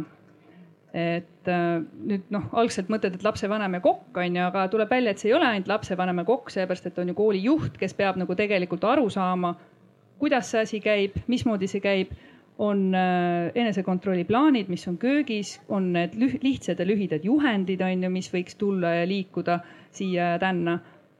aga nüüd see määrus äh, hakkab peagi ehk muutuma ja mida see nüüd tähendab? võin võtta kohe. ja et, et sa võid nagu. Küsimuse taga, eesmärk on võib-olla see, et, et seal nagu muutub midagi justkui meie jaoks paremaks mm, -hmm. aga tegelikult need küsimused, mis siin on käinud mm, -hmm. on veelgi olulisemad selles mhm. valguses. aga ma jälle nagu mulle kuidagi olles küll esimese haridusena jurist, mulle see juuramaailm selles mõttes üldse ei sobi. et, äh, et noh, kõike ei pea ju reguleerima, on ju, mõned asjad võiksid lihtsalt olla nagu iseenesest arusaadavad. aga me räägime sellest määrusest, siis, äh, siis, siis see määrus tegelikult on nagu uskumatu asi Eesti Vabariigis, mis on sündinud üle kümne aasta. tegelikult me istusime taiga maha aastal kaks tuhat kaksteist et rääkis ja alustasime rääkimist seda, et tänane siis reeglistik lasteaia ja kooli toidu jaoks ei ole okei okay.. ehk et needsamad, teate, eks ole, need legendaarsed lood, et, et saada kokku siis päevane kaloraaž süsivesikuid, pannakse ühte teetassi kolm rusikatäit suhkurt, on ju. et, et milleks või kellele et see ei ole nagu okei okay. ja noh, needsamad magustoidud, millest ma räägin, ehk et meil on väga tublisid lasteasutusi äh,, haridusasutuste näol, eks ole, kes äh, eiravad kõiki riiklikke määrusi ja teevad suurepärast sööki, onju. ja siis meil on neid, keda huvitab ainult Excel, eks ju. mina, eks ju, tõesti rääkides pisku, piisa, eks ole, alla protsendi laste eest äh, tegelikult nagu muretsen oluliselt suurema kogukonna pärast, sest et esimest tüüpi diabeedi kõrval pannakse ühte potti meie haigusega teist tüüpi diabeet, mis avaldub inimestel keskeas, eks ole, kui on tekkinud juba selline vöökoha ümbermõõdu jämenemine ja tervis hakkab käest ära minema, tekivad kõrgvererõhutõved, tekivad südamehaigused, eks ole, tekib teist tüüpi diabeet. kust see alguse saab? see saab alguse valest toitumisest ja, ja, ja tegelikult see saab alguse meie lapsepõlvest, eks ole, kuidas me sööme kui me nüüd päriselt hoolime oma väikesest äh, Eestist, oma väikesest Eesti inimestest üks koma kolm miljonit, siis me tegelikult ei tohiks üldse siinjuures nagu nii-öelda lugeda neid sente, mida siis antakse lasteaia koolitoidu jaoks raha, eks ole. lasteaia toidu, toidu vist maksame ise kinni või? ma enam ei mäleta, mul on juba mõned aastad mööda ja koolitoit on riigi poolt, eks ole, neid asju on nii palju siis, äh, siis noh, miks me siin nagu koonerdame, anname natuke rohkem raha ja anname lastele hästi süüa, eks ju. tegelikult, mida meil vaja on, meil on vaja rohkesti head kvaliteetset köögivilja, meil on vaja head puuvilja, meil on vaja natukene, eks ole, sellist ähm, äh, täisteratoodet, eks ole, meil on vaja vett eks ju, meil on vaja äh, siis head valku äh,, puhta siis äh, kala äh, ja valge liha näol, eks ole. Ja, ja sellist taimset valku, eks ole, siis siuksed läätsetoad ähm,, mis meil seal veel siis on äh, kõik ei tule siin niimoodi meelde. ühesõnaga nende näol ehk et see on tegelikult nagu nii lihtne, mida inimene vajab, aga siis me teeme, on ju mingeid hankeid neljakümneks erinevaks menüüks, on ju. ja siis kokad pigistavad oma nagu ajud sassi, eks ole, kuidas teha neid nii-öelda mitmekülgset toitu, mida pärast visatakse tegelikult lihtsalt ära. ehk et siis tegelikult me võiksime näidata ka nendele lastele, kelle kodus ei ole neid teadlikke vanemaid, eks ole, juba lasteaias ehk et peale lõunasöögi praadi ei ole magustoitu vaja eks ole, või peale ärkamist ootaks, ei pea olema saiake, on ju vaid et ja hommikul ei peaks sööma piimaga keedetud ülimagusat putru, eks. vaid need asjad võiks olla kuidagi nagu normaalsed, sest et tegelikult lapsed õpivad mitte ainult kodus, vaid õpivad ka seal oma sotsiaalses keskkonnas koos teistega. anname nendele lastele normaalset toitu ilma igasuguse regulatsioonita talupojamõistuse järgi ja siis mina oleksin nagu super õnnelik. Katre, ma ei mäleta, mis sa küsisid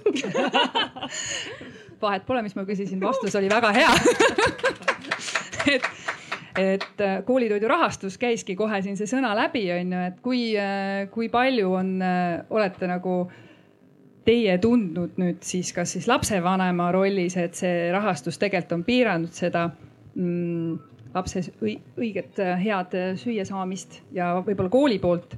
Aga kindlasti märksõnana kuklas siin lähevad paar head mõtet meile lõpukokkuvõttes edasi, et ma ei tea, kas ma võtan vastutuse kõigi eest, kui ma ütlen, et tegelikult see äh, on piiratud selles mõttes, et, et kindlasti need vahendid on piiratud äh, ja see toit ju võiks oluliselt mitmekesisem olla, nii et ma arvan, et selles osas vist ei ole väga mm, -hmm. väga lihtsalt kas lapsevanem, kelle, kelle laps nüüd peab ka mingil põhjusel teistmoodi sööma, Äh, kas, kas lapsevanem on nagu see, kes peaks nüüd minema kööki ja ütlema, et okei okay,, et kui sa nüüd äh, hankega nüüd ei saanud seda jahu, ma toon sulle? ma ikkagi räägiks määrusest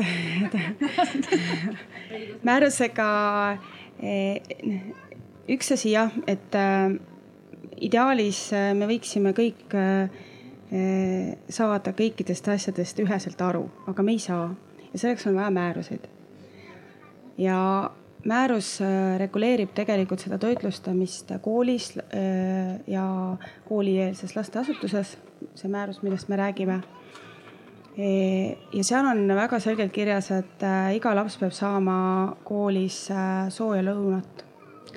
ehk et mina nagu toetuks sellele määrusele ja ka lapsevanemad, kutsuks lapsevanemaid üles mitte äh, oma toiduga minema kooli köögiukse taha, et äh,.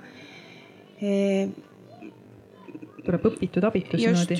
et äh, mm, siin on see koht, kus äh, me peame seda määrust ikkagi võtma arvesse ja meie lastel on samasugused õigused äh,. Äh õigused on võrdsed ehk et äh, ma pigem ikkagi jah, ütlekski seda, et äh, lapsevanematele, et lihtsalt nõudke, nõudkegi, et teie laps peab saama koolis eritoitu äh, riigieelarvest. ehk et nii on, et, et see ei ole nii, et, et, ähm, et teie lähete oma kuludega seda koolilõunat katma. Ehk et see on siis senikaua nii, kuni meil äh Äh, on vaja erinevalt äh, nii-öelda, et kuniks meil ei ole see toidulaud äh, niimoodi üles ehitatud, et tõesti enamus, suurem enamus saaks minna südamerahus sööma, ilma et ta peaks nagu kuskile midagi juurde tooma, on ju, et, et senikaua kui peab ostma neid eritooteid, eritoite lisaks juurde. et noh, jahu mõttes ma, ma nagu et, et miks me peame nisujahu panema, me ei pea, õnneks on see nagu kaduv tendents, et seda ei panda enam nii palju, et sa võid ka panna, on ju, midagi muud, aga noh, täpselt sõltub koolist, sõltub nagu sellest äh, lasteasutusest. et, äh, et nende heade eeskujude võib-olla tunnustamine käis läbi, et, et kuidas seda kokka tunnustada, kes päriselt nagu mõtleb kaasa kuidas seda kooli tunnustada, kes päriselt mõtleb kaasa, kuidas seda lasteaeda ka tunnustada, on ju, et, et, et kas see võiks olla ka üks võtmekoht, mis äh, mõjutaks seda paremuse poole liikuma? jah, see koka tunnustamine mm,, nii nagu ma ütlesin enne, et mitte õppeaasta lõpus, äh, vaid äh, läbi terve õppeaasta ja, ja ja siis ka lapsevanemate poolt see eh, tänusõna ka, kui, kui tema lapsele on pakutud seda eh, toitumisest eripära siis või eritoitumist, et eh, jah, et selline isiklik kontakt kokaga on väga oluline. ja siinkohal jälle ma toon välja, et mitte iga kuu ei ole vaja koputada uksel just, just. see peab olema tasakaalus et kiidusõnad peavad olema tasakaalus ehk et, et siis on ka motivatsioon äh, stabiilne. Ma hästi korra lisan veel juurde, et see usaldus ja koostöö kokaga, et, et laste maitsed võivad muutuda ja seda eritoitu võib-olla mõnikord ongi keeruline teha ja ma täiesti mõistan kokkade frustratsiooni, kui nad ongi seda eritoitu teinud ja see laps ei söö seda. Et äh, siin mina jälle ütleksin siis, et siis äh, tulebki äh, tulebki suhelda vanemaga, tuleb suhelda lapsega, et selles mõttes, et ilmselgelt on siis see koht, et, et et ei tekiks seda, ma arvan, kokal ka seda äh, moti-, ütleme niimoodi, et, et tal ei tekiks seda trotsi, et näed, ma valmistasin ja tegin selle ühe portsjoni ja seda isegi ei sööda. et siis minu jaoks äh,, mina arvan, et see ongi suhtluskoht, et mina sain samamoodi teada äh, tegelikult meil oli nagu Kokaga, mulle tundub, et meil on järelikult siis ka väga hea suhtlus ja usaldus omavahel juba tekkinud. et mind teavitati sellest, et eh, tegelikult eh, jah, üks selline nädal aega tegelikult absoluutselt minu tütar isegi seda toitu ei maitsenud, isegi natukene mitte ja siis me tegelikult suhtlesimegi ja, ja paar ütleme siis toiduainet vahetasime välja ja see probleem tegelikult sai lahendatud, et selles mõttes, et ähm, ma arvan endiselt, et see, see suhtlus ka selle koha pealt, et kui valmistatakse toitu ja see laps ei söö seda toitu, siis ei tuleks nagu käega lüüa ja, ja tekkida seda trotsi, et noh, selge, et siis, siis, siis ma ei teegi, eks ole.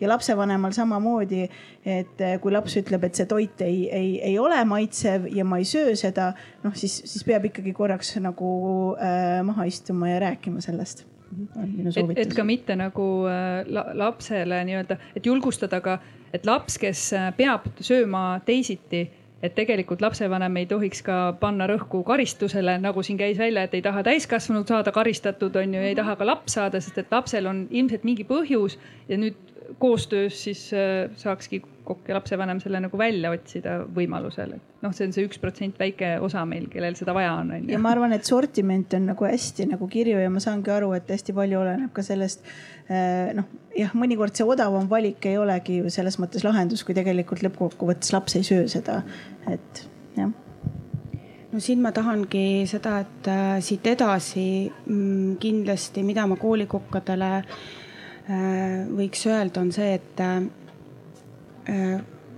kui me selle äh, arutlusega saame anda või edastada selle info, et see hirm nagu maandaks, oleks maandatud nii juhtkonna, lapsevanema kui koka tasandilt, siis kindlasti vajavad kokad ka selles valdkonnas koolitusi, et see on nagu see koht mm. -hmm. et mõnikord äh, selle tuhande lapse seast sellele ühele lapsele süüa tegemine võib olla väga keeruline mm. -hmm. ja, ja selle äh, toidu pakkumine mitmekesiselt võib olla väga keeruline, et ta võibki jääda hästi ühekülgseks mm. -hmm. ja, ja mistõttu võib-olla siis see laps äh, jätabki nädal aega koolilõuna söömata, et seda me kindlasti ei soovi.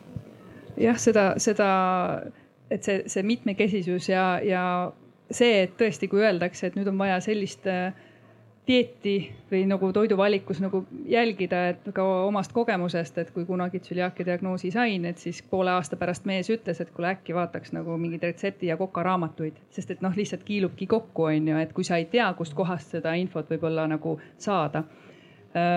ma vaatan meie kellaaega, siis me vaikselt hakkame lõpupoole jõudma, ma tahaksin tuua meie meie vestlusest need mõned äh, džinnid, mis õhku paisati siin äh, ka sihukese hea küsimusena võib-olla lõpus, äh, lõpus siia väikeseks aruteluks.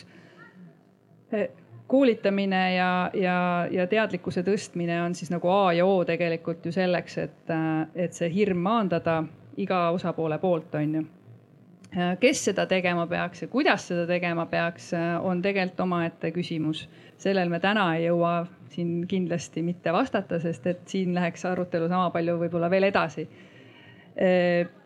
mis ma mõtlen ka selle peale, et, et kas ei või olla, et me keskendume äh, seda toitu pakkudes äh, liiga palju inimese diagnoosile, tervislikule seisundile kui äh, me võiks mõelda tegelikult selle peale, et meil on olemas need piirmäärad, kuidas, et noh, teadmine et on olemas teadmine, et on vaja nagu pidada silmas seda gluteenivaba punkti, näiteks laktoosivaba punkti, on vaja pidada arvestust, et oleksid numbrid olemas, kui keegi küsib.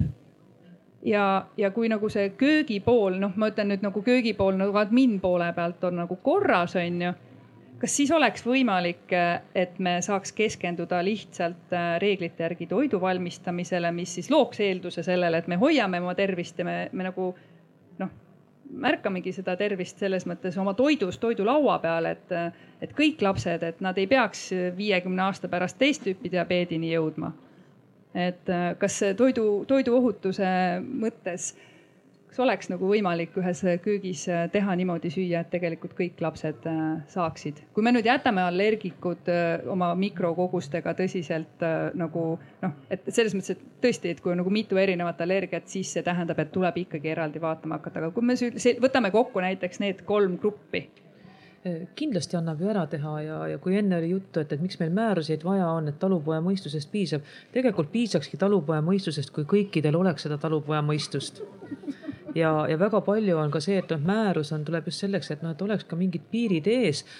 aga seda määrust tehakse nii hirmkeeruliseks et, et kui seda anda talupoja mõistusega edasi, siis oleks lihtsam ja, ja kui võttagi nagu sellised hästi levinumad asjad, et, et üldistada nagu enne ka oli juttu, et, et üks džinn oli pudelist välja lastud, välistame need kõige hullemad allergeenid ära et, et siis on juba üks samm nagu edasi ja on ka ütleme seda ühte portsjonit võib-olla kergem ära võtta, et noh, näiteks me jätame kastme panemata, noh pähkleid me nagunii koolitoitu ei too, võib-olla siis, et ühte allergeeni, mis on siis ka mereannid ja, ja ütleme krevetid just eriti, et, et seda eelarve juba piirab teeb lihtsamaks elu.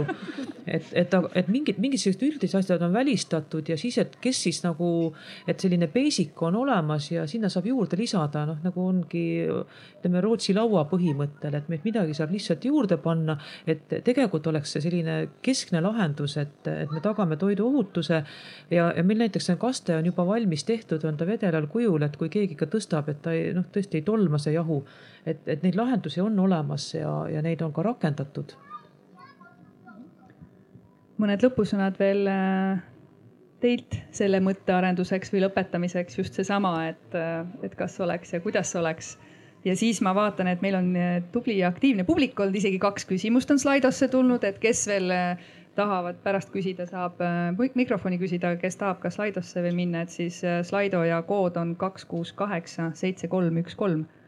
kaks, kuus, kaheksa, seitse, kolm, üks, kolm, et ma tahtsin ka öelda, et tegelikult saab. Ja just nimelt see, mida sa Reet välja tõid, aitäh, et see Rootsi laua stiilis söömine, eks ju, tegelikult öeldakse ju, et kuni kümneaastane laps ei taha üldse segatud toitu, et sihuke autistlik joon, eks ole, et ma panen endale eraldi tomati, kurgi, eks ole, selle kartuli, nad ei tohi veel omavahel kokku ka puutuda, et see tegelikult on normaalne. miks me ajame asja keeruliseks, eks ju, miks me peame tegema kartulist selle vormi, mida laps sinna sisse ei näe, ta ei taha seda süüa, eks ole. ehk et miks me segame kokku salatit, kui ta võib-olla seda ühte komponenti ei söö, eks ju, et noh, anname talle selle kurgi porgandikapse on ju, ta on õnnelik. ehk et veel kord lihtsus, lihtsus, lihtsus on ju. Ja ma ei tee maha, maha määrusid, tõepoolest kõigil ei ole talupoja mõistust, aga lihtsalt, et noh, ma, mis ma tahtsin tegelikult see, kus mul, eks seal lappama läks, et ma enam ei mäleta, mis küsimus oli, oli see koht, et me oleme kümme aastat rääkinud, et seda määrust on vaja muuta, me oleme korduvalt istunud maas ja seda määrust ei suudeta muuta, sest kusagil on mingid huvigrupid, kes kaitsevad kellegi huve, millest mina aru ei saa eks noh, mul on lihtsalt üks selline kogemus, kus üks äh, väga sõedas, sõjakas tädi selles, selles aruteluringus tõusis püsti, pani käed puusa, ta oli ise saja viiekümne kilone ja küsis niimoodi. kas sa tõesti soovid seda, et sinu kaheksasaja lapse pärast jääb ülejäänud laste lapsepõlv ilma magustoiduta? ma tõesti ei osanud enam midagi öelda, ütlesin, et tahan küll vot ehk et äh, noh, mõtleme natuke selle peale, eks, et mis saab edasi, on ju. ehk et äh, nagu noh, päriselt anname lastele lihtsalt hästi süüa, aitäh. ja Evelin. annaks sellist süüa, mida sööks isegi.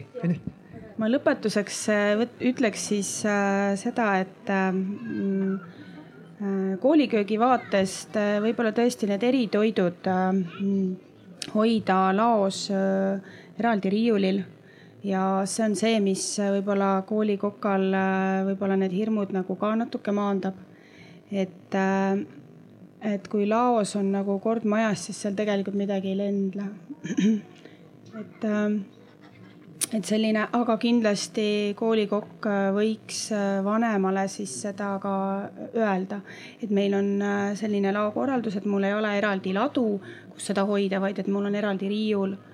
Et, et ka lapsevanem oleks sellest teadlik, et kust see tooraine tuleb. Äh, siis äh, teine võib-olla selline, mida ma lõpetuseks ütleks, et, äh, et ähm, kui koolis on ikkagi võetudki juhtkonna tasandilt see otsus, et ähm, toitumise eripäradest, siis me lapsi ikkagi toitlustame tavapärasel viisil nagu ka teisi õpilasi, siis võib-olla selle kaubagrupi siis või kauba tellimise puhul võib-olla siis lapsevanemaga natukene eh, koostööd teha.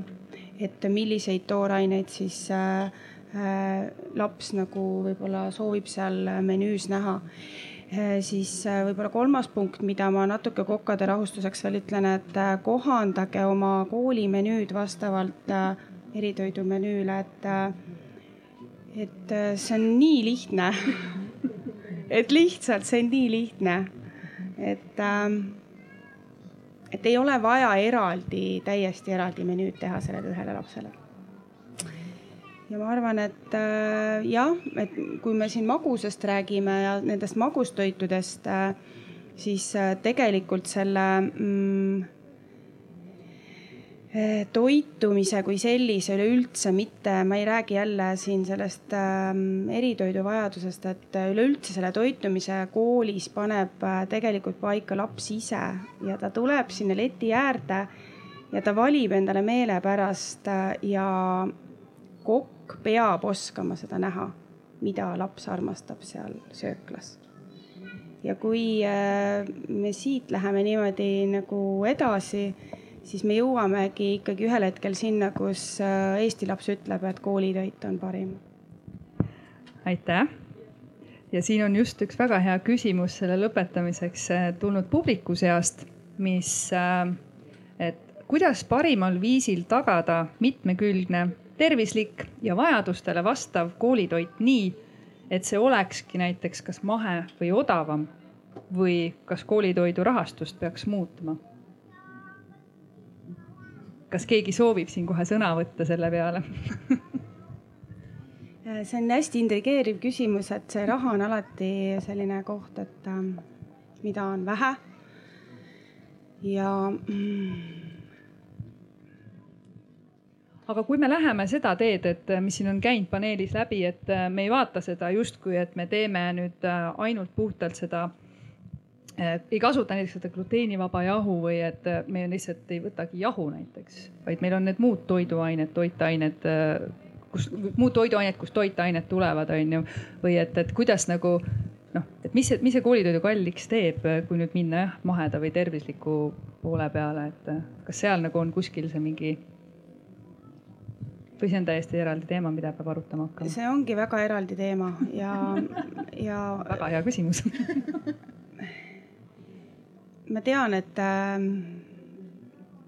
poliitikutele meeldib rääkida mahetoorainest. et äh, aga räägime siiski kohalikust toorainest.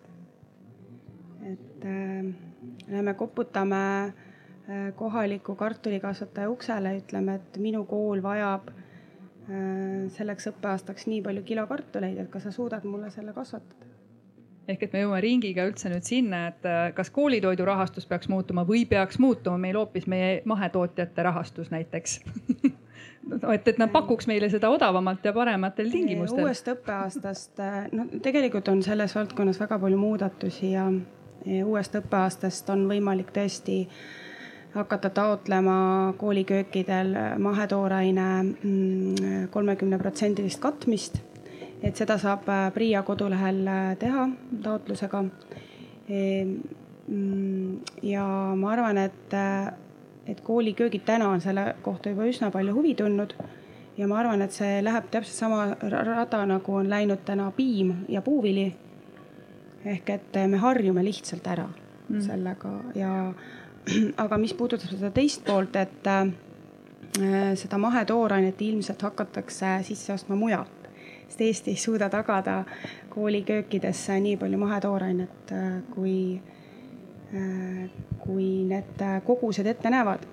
sest kakssada last on eritoiduga, aga kuussada last, kuussada, kakssada tuhat last on eritoiduga, kuussada tuhat last on üldse koolides ehk et väga suur osa äh, nagu Eesti sööjatest. jah, et, et see on selline tõesti väga mitmetahuline küsimus on ju, et kuidas seda, seda lahendada ja teine küsimus, mis siin on veel, on kommunikatsioon. et üldine teadlikkuse tõstmine on väga oluline. praegu on justkui lapsevanem see kõige teadlikum ja oleks ju kõigil lihtsam. ehk et see käis meil tõesti siin paneelis ka läbi, et, et kui, kui iga osapool teab oma rolli, oma vastutust on tehtud tõesti lihtsalt äh, abc äh, head juhised, suunad, kuhu minna küsima.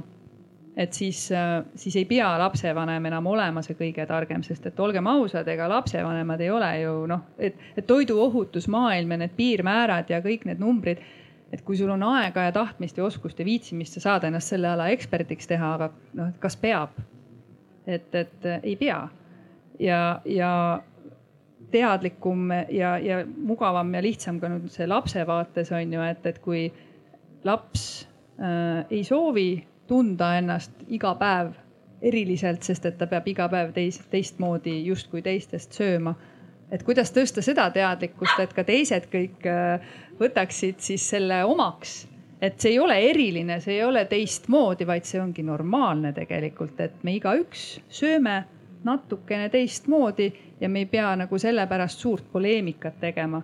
ehk et äh, kuidas siis äh, hoida see justkui nii eriline teema tegelikult täiesti normaalsena ja võtta seda kaine mõistusega äh,, saada need koolitused, saada need juhendid ja siis tegelikult loodetavasti siis selle peagi uue määruse järgi või kui ta on või ei ole, et lihtsalt tegelikult, et see koolitoitlustus, äh, lasteasutuste toitlustus, samamoodi ka lasteaiad, et me täna panime palju rõhku nagu koolile siin, kuna nagu me lihtsalt selle valdkonnaga oskasime rohkem kokkupuudet tuua, et ka lasteaedades, et, et kuidas seda toitu teha nii, et äh, laps tunneks, et ta on, äh, temaga on arvestatud et ta saab süüa ennast terveks, sest et nendel inimestel on seda vaja. ja, ja et ka teised seal ümber mõistaksid seda kas ma võin veel öelda ühe mõtte veel, mis jäi ennem ütlemata? tegelikult me räägime täna väga palju vaimsest tervisest. vaimne tervis on ka toidus kinni väga sageli. Ehk et äh, meil läksid nii-öelda eilne arutelu, eks ole, siin kõrvallaval äh, tervise tuleviku teema, et kuidas kasvatada tarka patsienti hakkame lasteaiast pihta, onju, anname hästi süüa, õpetame, mis on hea, mitte nii, et ta tuleb hommikul piimaga söödud pudru, mis on meeletult magus, kus on veel mingi lärts moosi peal ja siis läheb tervislikku toidutundi, kus nad katsuvad siis köögivilju, onju. teeks seda kuidagi teisiti. et jah, et, et ärme nagu räägi ainult teooriat, viime ka praktikasse äkki need asjad siis äh, niimoodi, et, et see, see jääb nagu külge et need kodundustunnid on hea alguskoht võib-olla. me ja oleme need, mida me sööme, aitäh. ja ma arvan, et see, mis tegelikult see menüü sisaldab, on teadmine kõikidele, mitte ainult siis tegelikult diabeedilastele. just aga, aga... et lõpetada natuke positiivsemalt, et, et mida siis tegelikult, et kuna ma käin ka ettevõtteid sertifitseerimas, et mida tehakse, et, et päris palju maapiirkondades, et kes näiteks marjakuku ostjad, et on hakanud ka aedvilju tükeldama, külmutama ja just täpselt koolitoitu, kooliköökidele tehakse ka ekstra mahla. Lõuna-Eestis üks ettevõte teeb ekstra just koolidele, et selles suhtes neid samme astutakse, sõltub, kui initsiatiivikad on siis eestvedajad siis märkame neid, kes teevad, tunnustame neid, kes teevad ja küll need teised ka järgi tulevad. aitäh teile, et te tulite meid kuulama. küsimus ka publikust veel ja. ja mul on selline, selle gluteeni saastumise kohta ja lend, lendlumise kohta küsimus.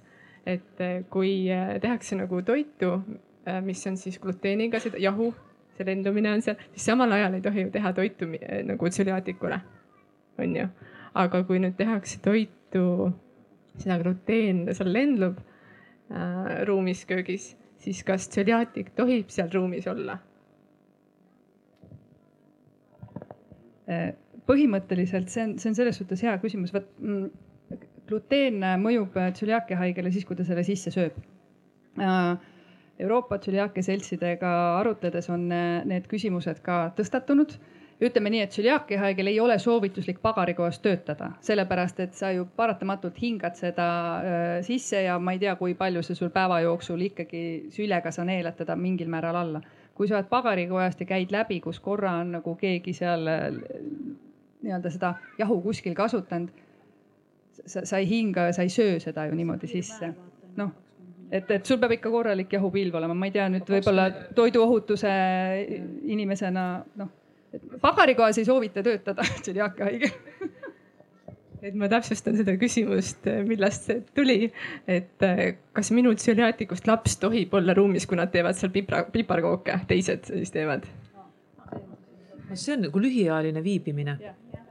et, et kindla, kindlasti jah, et, et tervet päeva ei ole hea olla, aga lühiajaline on jah, et see kakskümmend milligrammi kilogrammi kohta, kui ta sööb, et siis ei tohiks mõju avaldada jah, ja siin muidugi nüüd on, et noh, see vaimsele tervisele, et ma ei tea, et kuidas nüüd talle mõjub, et kui ta nagu näeb, et teised teevad piparkokke ja tema ei saa neid teha, et, et aga ei, ta võib neid teha, aga ta lihtsalt süüa ei tohi ja ta ei tohi pärast näppe suhu panna, et noh, see on nüüd see koht, kus tuleb kokandusõpetajale nagu õpetada, et vaadake, et kui te ka nagu teete neid niimoodi, siis, siis äh, noh, laps peab oma käsi ju pesema.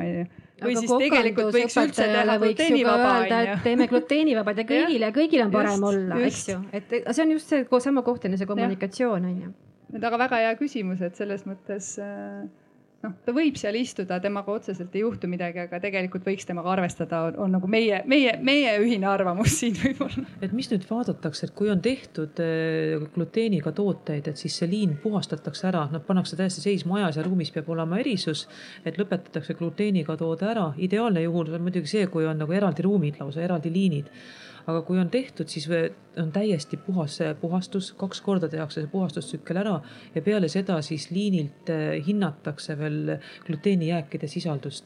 et seal on ka mingi imeväike norm on lubatud, ehk selles suhtes sellele toetudes, eh, et see lühiajaline viibimine tõenäoliselt ei ole hull, aga ei ole olemas sellise asjaga kokku puutunud just, et jah, et, et tseliaakia haige, kui ta ise hingab sisse noh, jah, et, et see küsimus on, on käinud, äh, aga kõige olulisem tegelikult laste puhul ju ongi, et noh, käed ju käivad ikka suus, on ju, et selles mõttes oleks nagu, vajab lihtsalt teadlikkuse tõstmist osapooltel. kas on publikus kellelgi veel küsimusi, mida siin kohapeal küsida? tegelikult ma võib-olla ütlen ka selle, et kui teil nüüd peale seda arutelu on nagu tekivad mõtted, ma jätan selle Slido avatuks terveks päevaks ja te võite neid küsimusi nagu veel panna sinna äh, Slidosse juurde ja me paneme nendele küsimustele vastused pärast äh, lihtsalt äh, Eesti Tsüliaakia Seltsi Facebooki lehele ja, ja siis kõik saavad äh, ka neid lugema minna, et needsamad küsimused, mis siin ka praegu kõlasid, ma võtan ka selle siit kaasa ja natukene uurin teistel Euroopa seltside kogemust, et kuidas nemad sellele lähenenud on.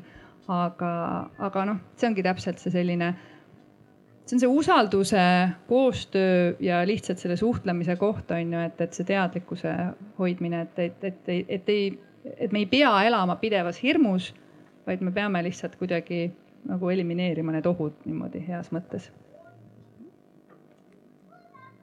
kui küsimusi rohkem ei ole, siis või kui on, küsige, kui ei ole, siis veel kord suur aitäh teile